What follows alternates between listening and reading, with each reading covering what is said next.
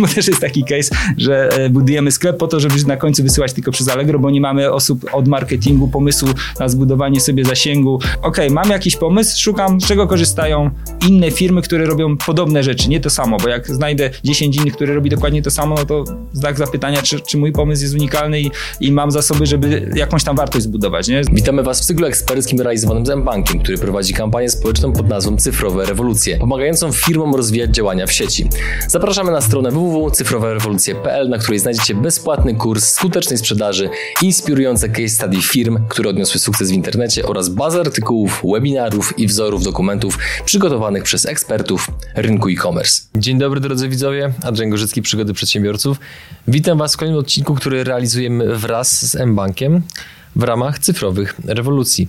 A naszym dzisiejszym gościem jest Łukasz Plutecki. Dzień dobry. Dzień dobry. Kim jesteś biznesowo? Ja e, zarządzam Atom Store, jestem też współwłaścicielem e, Atom Store'a. Atom Store jest, Atom Store jest to platforma e-commerce'owa e, budowana w modelu SaaS w 100% e, z naszych środków, rozwijana od ponad 10 lat i kierujemy nasze usługi do średnich, dużych e, sklepów internetowych. Obsługujemy m.in. Dizzy, iSpot, Half Price'a, CCC. Duże marki. Du nie tylko duże marki. To, to oczywiście są wiodące marki, które obsługujemy, mhm. natomiast z naszych usług korzysta też wielu, wiele średnich sklepów. To są takie sklepy, które realizują przychody na poziomie od 200-300 tysięcy miesięcznie do kilku milionów złotych. Co byś powiedział widzowi, który teraz patrzy na odcinek się zastanawia, obejrzeć całość czy nie? Co zyska oglądając ten materiał? Co, co zyska? Dowie się, co to jest SaaS Enterprise i czym się różni od e, zwykłego SaaSa takiego mass marketowego, do kogo, do kogo jest kierowany i czym różni się od ewentualnie rozwiązań open source'owych, takich jak Magento, Bresta, na, na których e, często buduje się polskie sklepy internetowe. To w takim razie lecimy z pierwszym pytaniem. O czym trzeba pamiętać, budując sklep e-commerce? o tym, żeby zacząć od podstaw. To znaczy, nie wybieramy najpierw rozwiązania, a potem pod to próbujemy zrobić sklep internetowy, albo nie kupujemy konkurencji, nie zastanawiając się, po co to robimy, tylko zaczynamy od tego, co chcemy sprzedawać, ile mamy e, tych produktów, czy mamy własny magazyn, czy będziemy e, korzystać e, z jakiejś hurtowni, centrów logistycznych, jakie mamy know-how, jakie mamy zasoby, czyli ile mamy pracowników, czy jesteśmy jedną osobą, która ma być alfą i omegą, czy mamy jakiś większy zespół, czy robimy to dla kogoś, jesteśmy członkiem zespołu w jakiejś dużej firmie.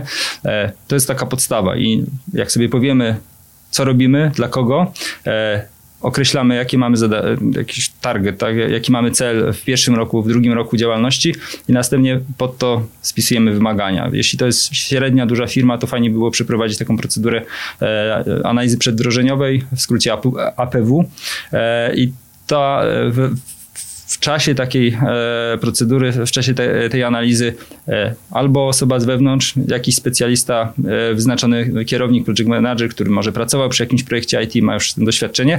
Jeśli nie, to, to może jakiś konsultant z zewnątrz zbiera wszystkie wymagania od poszczególnych części biznesu, od, od osób odpowiedzialnych za, za poszczególne elementy czy poszczególne działy biznesowe w ramach tego projektu e-commerce'owego, czyli na przykład zbiera pytanie, mamy magazyn, jaki oni mają system, jak sobie wyobrażają, ma przebiegać ten proces pakowania, wysyłki, czy ma być jakaś integracja z kurierami, czy może już mamy jakąś integrację z kurierami, czy ma dostawca e, e, jakby w ramach projektu zrealizować.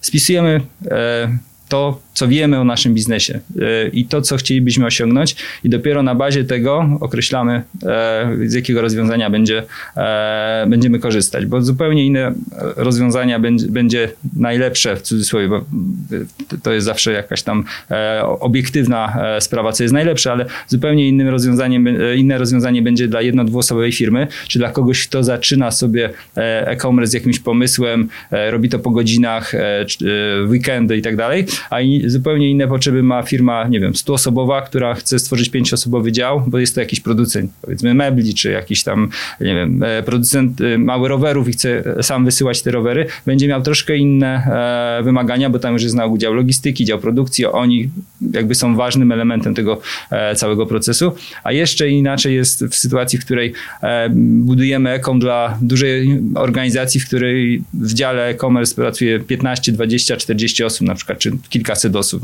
Wtedy ten proces APW wygląda zupełnie inaczej, bo trwa na przykład 2-3 miesiące.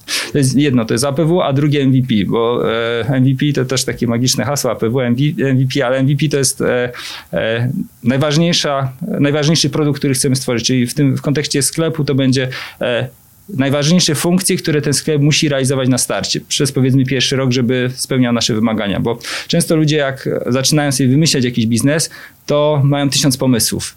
I jakby na starcie tego e, całego procesu trzeba zacząć od tego, że wybieramy tylko to, na czym chcemy się skupić, na co mamy sami czas, lub nasi ludzie mają czas, lub nasi współpracownicy mają czas. Bo typowy efekt to jest taki, że dostajemy na przykład brief e, z listą wymagań, 7 stron, i czytając to wiemy, że połowa z tego nie wejdzie w pierwszym roku e, do realizacji, czy przez pierwsze dwa lata, więc nie, ma czasu, e, nie ma jakby sensu tracić czas na analizę tego, nie ma sensu wybierać rozwiązania, czy budować rozwiązanie, które będzie spełniało wszystkie te wymagania, a my potem i tak wysyłamy tylko na przykład przez Allegro, tak? Bo też jest taki case, że e, budujemy sklep po to, żeby na końcu wysyłać tylko przez Allegro, bo nie mamy osób od marketingu, pomysłu na zbudowanie sobie zasięgu, e, dotarcie do klienta czy budżetu marketingowego i na końcu płacimy od każdej transakcji Allegro i wszystkie wymagania, jaki ten sklep ma być piękny, e, można wrzucić do kosza, bo po trzech latach stwierdzamy, aha, zbudowaliśmy sklep, to teraz będziemy na nim sprzedawać, ale to było trzy lata temu, trzeba go przebudować, nie? Więc a, zaczynamy od analizy, określenia samego siebie jako firmy, czy osoby, czy, e, czy kilku osób, jakie mamy zasoby, ile mamy na to czasu, jaki mamy know-how. Jeśli to na przykład mamy niewielkie zasoby, e, e, mamy niewielkie know-how, najlepiej korzystać z rozwiązań gotowych, sasowych, niekoniecznie Atom dlatego że my troszkę wyżej podnosimy też poprzeczkę, jeśli chodzi o tego naszego klienta. On, on musi mieć te potrzeby i know-how, żeby wiedzieć, jak korzystać z naszego narzędzia, ale jeśli pójdziemy do firmy, która ma 5, 10, 15 tysięcy podobnych sklepów, to prawdopodobnie 99% e, naszych potrzeb i pomysłów będzie już gotowe i my będziemy mogli z tego skorzystać. Jak zaczniemy budować coś od zera sami na bazie jakiegoś tam, nie wiem, Magento jest najlepsze, zróbmy na tym, no to, to okaże się, że przez pierwszy rok zbudowaliśmy specyfikację jakiejś, nawiązaliśmy współpracę z firmą, zapłaciliśmy, a jeszcze nic nie sprzedaliśmy, nie? Mhm. Niejednokrotnie się zdarza, że kiedy klient zdarza się z dowolną branżą, w tym przypadku akurat mówimy o e-commerce, to e, może trafić na handlowca, który nie ma raczej, znaczy nie mówię, że wszyscy, niektórzy mogą nie mieć tych hamulców, żeby sprzedać coś, co jest po prostu takim totalnie przesadzonym produktem, najdroższym, najbardziej skomplikowanym, tylko po to, żeby zarobić jak najwięcej. Więc jeżeli klient nie ma większego doświadczenia, jeżeli chodzi o e-commerce, to czym powinien się kierować, decydując o wyborze platformy, w zależności od swoich potrzeb? No, powiedzmy, że, że posłuchał pierwszej części, czy zrobi mhm. sobie MVP, no to wtedy już, już masz czym poszukać tej platformy, zobaczyć, nie wiem, e, chcę sprzedawać za granicę, no to szuka platform, na, które mówią o tym, że wiedzą, jak mhm. sprzedawać za granicę. Chcę sprzedawać na Allegro to, Allegro, to może się okaże, że nie potrzebuje wcale sklepu, tylko integratora, który umożliwia automatyzację sprzedaż na Allegro. E, to, to, to, to jest jakby jedna kwestia. Druga to jest to, gdzie jest potencjalna konkurencja, czy też sklepy, tylko nie na zasadzie konkurencja to wybiorę Amazona, tak? Czy tam Morele, bo to największy sklep znam, to zróbmy sklep jak Morele. No to, co prawda już te case'y są coraz rzadsze, ale jeszcze 3-4 lata temu było tak, że ktoś zaczynał i e, widać było, że zbriefował Morele albo Xcoma. No, gdzieś tam trzeba szczerze podejść do swoich możliwości. Mieć kontakt z grawitacją. Tak, tak. mieć kontakt e, z Ziemią. E, I, okej, okay, mam jakiś pomysł, szukam, e, z czego korzystają inne firmy, które robią podobne rzeczy, nie to samo, bo jak znajdę 10 innych, które robi dokładnie to samo, no to znak zapytania, czy, czy mój pomysł jest unikalny i, i mam zasoby, żeby jakąś tam wartość zbudować, nie? No wszystko zależy od case'u, bo nie wiem, ktoś ma fajnego bloga i ma dużo, duży ruch, no to, to, to już ma duży potencjał, bo ma ruch, tak, za darmo, który może próbować monetyzować, ale wtedy szuka, ok, no to gdzie są blogerzy, którzy to zmonetyzowali? Z czego oni korzystają. I no, jakby podglądajmy, użmy się na czyichś błędach i czyich, czyich rozwiązaniach. Nie? Tak, z Twoich doświadczeń, czym się różnią potrzeby e-commerce'owe średniego, dużego klienta od małego? Bo to jest z jednej strony może banalne pytanie, ale z drugiej strony wydaje mi się, że wiedza zawarta w odpowiedzi na to pytanie też spowoduje, że zwłaszcza mali będą, nie dadzą się naciągnąć na oprogramowanie dla dużych, a dużym nikt nie wciśnie kitu, że potrzebują coś, co jest de facto dla małych. Okej, okay, to mały klient ma na ogół mały zespół, jeden, dwie osoby, mały budżet i rzadko kiedy na takich krańcowych funkcjach, które sobie wymyśli, jest w stanie e, jakby zrobić sobie kalkulację, że to się zwraca. Czyli wymyślam jakiś skomplikowany moduł poleceń, ale jak mam tysiąc użytkowników miesięcznie, a ten moduł kosztuje kilkanaście tysięcy, to mi się nigdy nie zwróci. Nie? Więc Mali to, to według mnie jest rozwiązanie standardowe, chyba że ten mały pomysł jest zupełnie jakiś unikalny, ale to wtedy nie mówimy o typowym sklepie, tylko o czymś e, niestandardowym. Natomiast te średnie, e, duże firmy najczęściej e, jakby odbiją się od e, mas marketowego rozwiązania, czy takiego zupełnie nieskustomizowanego, czy nieskonfigurowanego pod ich potrzeby, dlatego że u średniego, dużego e, klienta Pierwsza rzecz to jest to, że ma duży 10-15 osobowy zespół i on potrzebuje indywidualnej obsługi po stronie dostawcy. Czy to będzie software house? Nie pójdzie do software house'u, w którym są dwie osoby, no bo wtedy ten 15-osobowy zespół będzie chciał ustawić spotkania, dwie osoby mają jeszcze 10 innych klientów, nie? Więc e, dopasowanie skali biznesu do dostawcy, no i do, do rozwiązania. E, w, taki, w, dużym, e, duży średni klient będzie myślał o cross-borderze, czyli sprzedaży zagranicznej, o dostawach e, do e, omnichannelu, czyli sprawdzenie dostępności swoich punktach, czy dostawie do punktu, e, o zwrotach, zwrotach przy kasie ekomowych, ale też zwrotach tak zwanych, my to nazywamy teraz paperless, czyli taki, że można z telefonu zrobić za pomocą mapki, kurier przyjeżdża, odbiera, nic nie trzeba drukować. To jest nastawienie głównie pod no, mobilnego klienta. Więc jakby średni duży klient on już dużo bogaciej korzysta z tych funkcji i te funkcje muszą być bardziej elastyczne, bardziej dopasowane. No i to jest taka główna różnica w stosunku do tego, co my oferujemy. My oferujemy dużo rozbudowanych modułów, ale niekoniecznie się nadają do klienta, te, te rozwiązania niekoniecznie się nadają do e, małego e, klienta, bo one są skomplikowane w konfiguracji i obsłudze. Więc jakby jeśli ktoś się zajmuje tylko zwrotami, to on się nauczy tego modułu, będzie korzystał z jego e, funkcji. Jak ktoś ma robić sprzedaż, e, wysyłkę, e, trochę marketingu, e, zwroty i gdzieś tam jeszcze fakturowanie, to on nie ogarnie po prostu, no wiadomo, że są osoby super zdolne, ale większość ludzi nie ma czasu, żeby się w takie szczegóły wdrażać i on sobie weźmie jakiś prosty moduł czy prosty sasik do obsługi zwrotów i zintegruje, czy skorzysta na przykład z, z oferty jakiegoś tam kuriera. Kurierzy teraz oferują często takie proste moduły zwrotów za pomocą, nie wiem, tam Imposta czy Poczty Polskiej. Więc, a znowu duża firma, która wymaga skrojenia tego procesu pod ich, e, pod ich logistykę nie może iść na zasadzie, to, to weźmiemy sobie gotowy moduł i będziemy robić tak, jak ten kurier chce. E, więc ta różnica to jest e, jakby ilość gotowych funkcji, modułów i, i tych strategii biznesowych. Duży klient częściej będzie e, korzystał z tych wielorakich e, strategii, jakieś tam właśnie sprzedaż zagraniczna, multistore, e, RMA i tak dalej, i tak dalej. Mhm. Jakie miałbyś rady dla osób, które chcą skorzystać z usług sesowych do budowania swojego e-commerce'u? Na co zwrócić uwagę? Jakie, na, jakie podpowiedzi byś im dał? No, szukamy skali, określamy samego siebie i szukamy wtedy, dobra, jestem małym klientem, to szukam tych rzeczy, które są tanie e, i skierowane do małego klienta. Jest tym średnim, no to już średni ma najgorzej, bo on nie wie, czy jest jeszcze mały, czy jest już duży. E, średni powinien sobie zrobić dobrą kalkulację. Średni klient to jest często też taki, który już gdzieś tam w, ekomie coś, coś liznął, coś już spróbował sprzedawać. To wtedy bym powiedział, e, żeby sobie zrobił kalkulację kosztów za rok, dwa I to takich kosztów od A do Z. E, kto odbierze mój telefon, bo, bo często na open source liczy się tylko, e, wdrożymy open source'a, będzie świetnie, za darmo jest. No ale ktoś musi odebrać ten telefon, załatać jak wyjdzie dziura, dostosować do omnibusa, do, dostosować do RODO i, i teraz ostrzejszych wymagań cookie i tak dalej, i tak dalej. Więc zróbmy sobie kalkulację wszystkich kosztów, które są w danym rozwiązaniu, plus E, bo jakby przy SASach e, e, jest trochę, są różne strategie budowania cenników. Są tanie SASy, które pobierają opłaty wraz ze wzrostem ilości transakcji czy, czy wartości transakcji i wtedy, jeśli klient zaczyna bardzo dużo sprzedawać, ten tani SaaS może się sta, stawać drogi.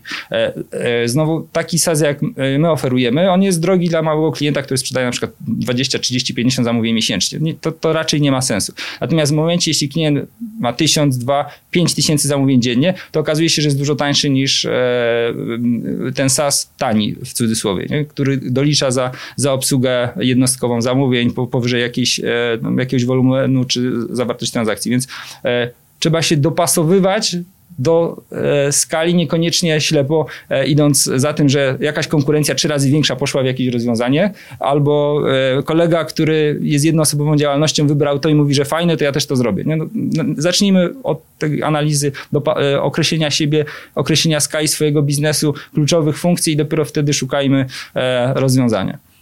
Mam już e-commerce, działa, generuje sprzedaż. Co z Twoich doświadczeń i praktyki mogę zrobić więcej, poprawić, zmierzyć, sprawdzić, aby zwiększyć sprzedaż. Czyli coś, co de facto jest na koniec końców najważniejsze. Okej, okay, no to, to, to jest e, indywidualne pytanie do, do każdego, dla każdego klienta, który już sprzedaje, będzie trochę inne, bo ten, który sprzedaje tylko na Allegro, to sprzedawaj jeszcze na dwóch, trzech innych kanałach albo zbuduj ekom. Ten, który e, sprzedaje tylko w sklepie internetowym, to powiem wyjdź e, do e, różnych marketplace'ów. Ale skupiając się na czystym e-commerce, czyli na, na, sklepie internetowym własnym, pod własną domeną, to takim jednym z większych trendów, które miały miejsce przez dwa, e, powiedzmy dwa, trzy ostatnie lata, to, był, to była mocna migracja użytkowników z desktop do, do mobile. 3-4 lata temu sprzedaż na mobile to było 20-30%. E, ruch 50% to już było dużo. W tym momencie e, nasi klienci, którzy e, mają jakby ofertę i, i, bazę klientów taką w miarę nowoczesną, młodą, czy jest to często fashion, hobby, jakiś tam sport, oni mają pod 80% użytkowników na mobile, 60-70% sprzedaży na mobile. Czyli pierwsza rzecz to jest optymalizacja i projektowanie swojego sklepu. Oczywiście, jeśli nie jestem jakimś tam super specjalistycznym sklepem, gdzie ktoś wieczorem siada i potrzebuje e, skada przynosić e, produkty, nie? no bo to jest inny case, ale e, przeciętny sklep, e, szczególnie jeśli robił redesign, czy ma jakiś szablon sprzed dwóch, trzech lat, powinien się skupić na tym, czy jest super mobile friendly. Bo jeśli popatrzy dobrze w analitykę, to okaże się, że 50-60% użytkowników już teraz, nawet jeśli on nie jest super mobile friendly, jest z mobila. Jeśli robi E, remarketing e, w sieciach społecznościowych, gdzie naj, najczęściej korzystam z tego na Facebook, e, z apki Facebooka, Instagrama. Jeśli wrzuca w ogóle jakieś treści do social mediów, wysyła newslettery, to okaże się, że 50% to są transakcje. Czasami 60-70% u naszych klientów to już są transakcje, czyli wartość zamówień, a ruch to jest do 80-90% to jest mobile. I wszystko, co teraz powinniśmy wymyślać w obszarze naszego e-commerce'u, po, powinno się zaczynać, czy to będzie działać na telefonie. E, dużo sklepów, których sam kupuję, widzę, że, że mają szablon responsywny, czyli taki, który się powinien dopasowywać e, do e, wielkości ekranu. Tak, do wielkości ekranu, ale jednocześnie jestem przekonany, że większość obsługi e, tego sklepu, czyli pracownicy czy właściciel tego sklepu rzadko wchodzi na tym mobilu. Bo idzie do biura, siedzi przy desktopie, wymyśla te zmiany, testuje, wraca do domu, już nie, nie będę patrzył na ten, telef e, na ten telefon na swój sklep, bo po co? Siedziałem 8-10 godzin e, w pracy, wysyłałem paczki, obsłużyłem to. A ja jako klient odwrotnie, 90% czasu spędzam na telefonie i chcę kupić za pomocą telefonu. No i to ciągnie za sobą szereg funkcji, które powinien wprowadzić, takie jak Blik, jak na przykład jakieś płatności Google Playem, e, e, Google Payem, Apple, Apple Payem tak? mhm. tak, i tak dalej, i tak dalej. Czyli dostosowanie do użytkownika mobilnego przede wszystkim. A powiedz mi, czy ten ruch, który jakiś czas temu wykonał Apple a propos tego, że możesz poprosić aplikację o nieśledzenie, to to miało jakikolwiek istotny wpływ na dopasowywanie właśnie reklam poprzez zachowania, które wykazujemy w internecie, czy nie obserwujesz takiego, takiego trendu? Ja szczerze powiedziawszy troszkę jestem bardziej już po stronie klient na stronie, w sensie, okay. a, a, nie, nie zajmuje się kampaniami. Natomiast powiedziałbym tak, że 95% użytkowników nie zmienia domyślnych ustawień. To jest taki standard. Dopóki to nie będzie domyślnie blokada, e, tylko mogę zablokować, to mało kto z tego skorzysta. Trend mobilny to jest taki trend, który, o którym się mówi, mam wrażenie, już od lat na konferencjach, aczkolwiek z jednej strony na konferencjach specjaliści, eksperci o tym mówią, z drugiej strony rynek reaguje, powiedziałbym, chyba stosunkowo powoli i powoli się dopasowuje, ale żebyśmy nie analizowali tego tylko i wyłącznie powierzchownie, tylko weszli troszeczkę bardziej w takie właśnie szczegóły, co można zrobić, jakie funkcje dołożyć, aby ten użytkownik mobilny powiedział, patrząc na ekran, kurczę, naprawdę dobrze działa. Przede wszystkim zacznijmy z tego korzystać my jako właściciele sklepu, to jest jedna rzecz, ale to, to nie jest konkretna Czyli sprawdzać swój sklep z poziomu telefonu, a nie komputera. I jak zlecamy coś agencji, jakimś webmasterowi, programiście, to potem sprawdźmy. Oczywiście nie mówię w backendzie, tylko e, na froncie. Natomiast e, te, ten, ta mobilka różni się troszkę e, jakby sposobem percepcji. Raz sprawdzajmy banery, jak szybko one się ładują. Czy, czy mamy strefy banerowe dopasowane do, do ekranu, bo te, te panoramy różne, takie e, szerokie banery, które fajnie wyglądają na desktopie, jeśli one się po prostu przeskalują w RWD, a często tak się robi dopasowanie, że się po prostu przeskalowuje, no to się robi taki wąziutki pasek, jak tam jest jeszcze dużo tekstu, to, to, to, to przestaje działać. Ładuje się długo, bo to często jest 1900 pikseli, duży baner zes, zeskalowany po prostu e, w dół, e, zajmuje tam 500 kilo, e, ładuje się długo, spowalnia ładowanie strony, zero wartości dla użytkownika, czyli patrzymy pod, ko- na komunikację marketingową e, pod względem wartości dla użytkownika. Czy nie mamy e, gdzieś tam bardzo poukrywanych e, opcji, że e, wyszukiwarkę trudno znaleźć, e, już nie, przejście do koszyka, no to, to już tak, tak, taki trosz, troszkę absurd, ale menu, czy ono się fajnie rozwija na, na mobilu. Czyli ten cały UX audytujemy pod kątem użytkownika, nasze komunikaty, banery, e, ale oprócz tego takie rzeczy bardziej podstawowe. Blik, właśnie ten Google Pay, e, Apple Pay, e, zróbmy też, sami zapłacimy, bo często mam blika gdzieś ukrytego, wyciągnijmy tego blika. Teraz e, 30-40% klientów płaci blikiem. To jest fenomen e, z jednej strony, a z drugiej strony e, no, jakby trzeba to eksponować i, i, umożliwić e, jak najwygodniejszy wybór. E, czy wybór e, punktu odbioru, bo jakby e, z odbioru Najpierw była poczta, później byli kurierzy, teraz 50% to są parcel shopy. Oczywiście głównie e, paczkomaty, ale rozwijają się też inne sieci, e, więc za chwilę będzie 50% e, użytkowników, czy tam przesyłek takich średnio i, i, i mało gabarytowych wysyłanych za pomocą, znaczy do, do, do, do tych punktów odbioru, więc sprawdźmy, czy mamy mapkę, czy, ma, czy na przykład te listy wyboru dobrze działają, bo, bo czasami jest tak, że mamy 20 tysięcy punktów, które na desktopie jakoś się rozwinie, na e, komórce to zaczyna się wieszać, bo, bo komórka ma słabszy procesor, e, wolniej działa, szczególnie jakby e, to, to inna sprawa. My jako end-userzy często e, korzystamy z flagowych e, e, smartfonów. Sprawdźmy to też na jakimś tam średniaku, tak? czy, czy właśnie wybór e, punktu odbioru działa. My robimy na przykład takie rzeczy e, w koszyku, że e, jeśli użytkownik jest zalogowany, to zapamiętujemy mu ostatnia, ostatnio wybrana forma płatności, fo- forma dostawy. Jeśli to jest paczkomat, to ostatnio wybrany paczkomat, czyli mega przyspieszamy e, jakby tą ścieżkę, żeby użytkownik e, jakby jak najszybciej mógł od tej decyzji zakupowej przejść do e, Finalizacji. Do finalizacji tak? E, Czy widzimy terminy dostawy, koszty dostawy na, na mobilu, czy widzimy e, e, wszystkie formy płatności. No, to są takie rzeczy jakby cały czas związane z UX-em, ale e, z przestawieniem myślenia na, użytk- na użytkownika mobilnego. Czy nasze rekomendacje dobrze się ładują, czy są widoczne na, na, e, na mobilu, czy na przykład wyszukiwarka e, podpowiada produkty i czy ma korekty, bo e, o ile na desktopie jesteśmy w miarę łatwo w stanie znaleźć produkt, albo robimy tak, ot, ot, otwieramy, jak produkt ma skomplikowaną nazwę, to co robimy? Szukamy go w Google, ale nawet jeśli go chcemy znaleźć w jakimś konkretnym sklepie, a nie wiemy jaka jest nazwa, to szukamy jej w Google, Ctrl-C, Ctrl-V i działa, tak? A na telefonie już nie tak łatwo. E, Fajnie jak, jak wyszukiwarka y, podpowiada trochę, e, koryguje frazy. No, takich rzeczy jest e, na, na, naprawdę dużo, natomiast e, przestawmy to, e, co jest najważniejsze dla, w naszym sklepie dla użytkownika mobilnego i starajmy się dostosować ten e, interfejs i funkcje pod użytkownika mobilnego. I tu stawiamy kropkę. Drodzy widzowie, słuchacze, jeżeli macie jakiekolwiek pytania do naszego gościa, to piszcie oczywiście w komentarzu pod tym filmem, bądź bezpośrednio do firmy Łukasza. My tymczasem żegnamy się z wami. Dziękujemy wam za wasz czas i do zobaczenia w kolejnym odcinku. Cześć. Dziękuję za rozmowę.